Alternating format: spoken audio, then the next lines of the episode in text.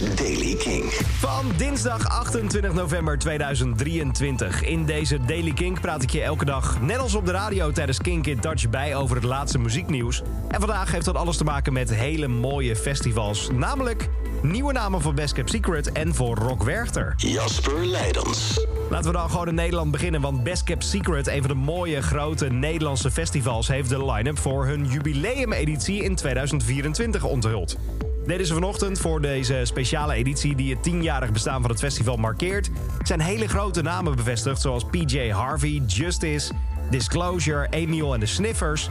Het festival dat bekend staat om de spannende line-up, gelegen in de bossen en aan het water bij de Beekse Bergen, belooft ook komend jaar weer een mix van bekende en opkomende nieuwe namen. Naast de grote headliners zijn er dus ook veel kleine nieuwe bands te ontdekken, zoals Slow Pulp, Kalalit Nunaat uit Nederland, Library Card ook uit Nederland en English Teacher.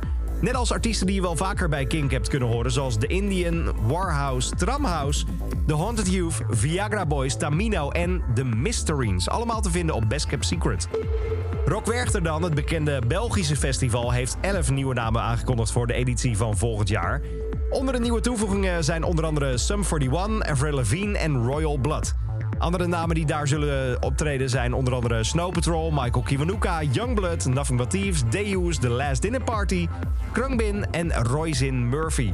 De artiesten voegen zich toe bij de grote headliners die al bekendgemaakt zijn, zoals Foo Fighters, Dua Lipa en Maneskin. Over The Last Dinner Party een uh, gek nieuwtje, want zij zouden vanavond optreden in de Ziggo Dome. Zouden ze doen met Hozier als voorprogramma. Ze hebben dat heel last minute afgezegd Wegens andere hele belangrijke redenen waardoor de band één avond terug moest naar Londen. Morgen staan ze wel weer in het voorprogramma in Parijs, maar wat er vandaag aan de hand is, is niet helemaal duidelijk.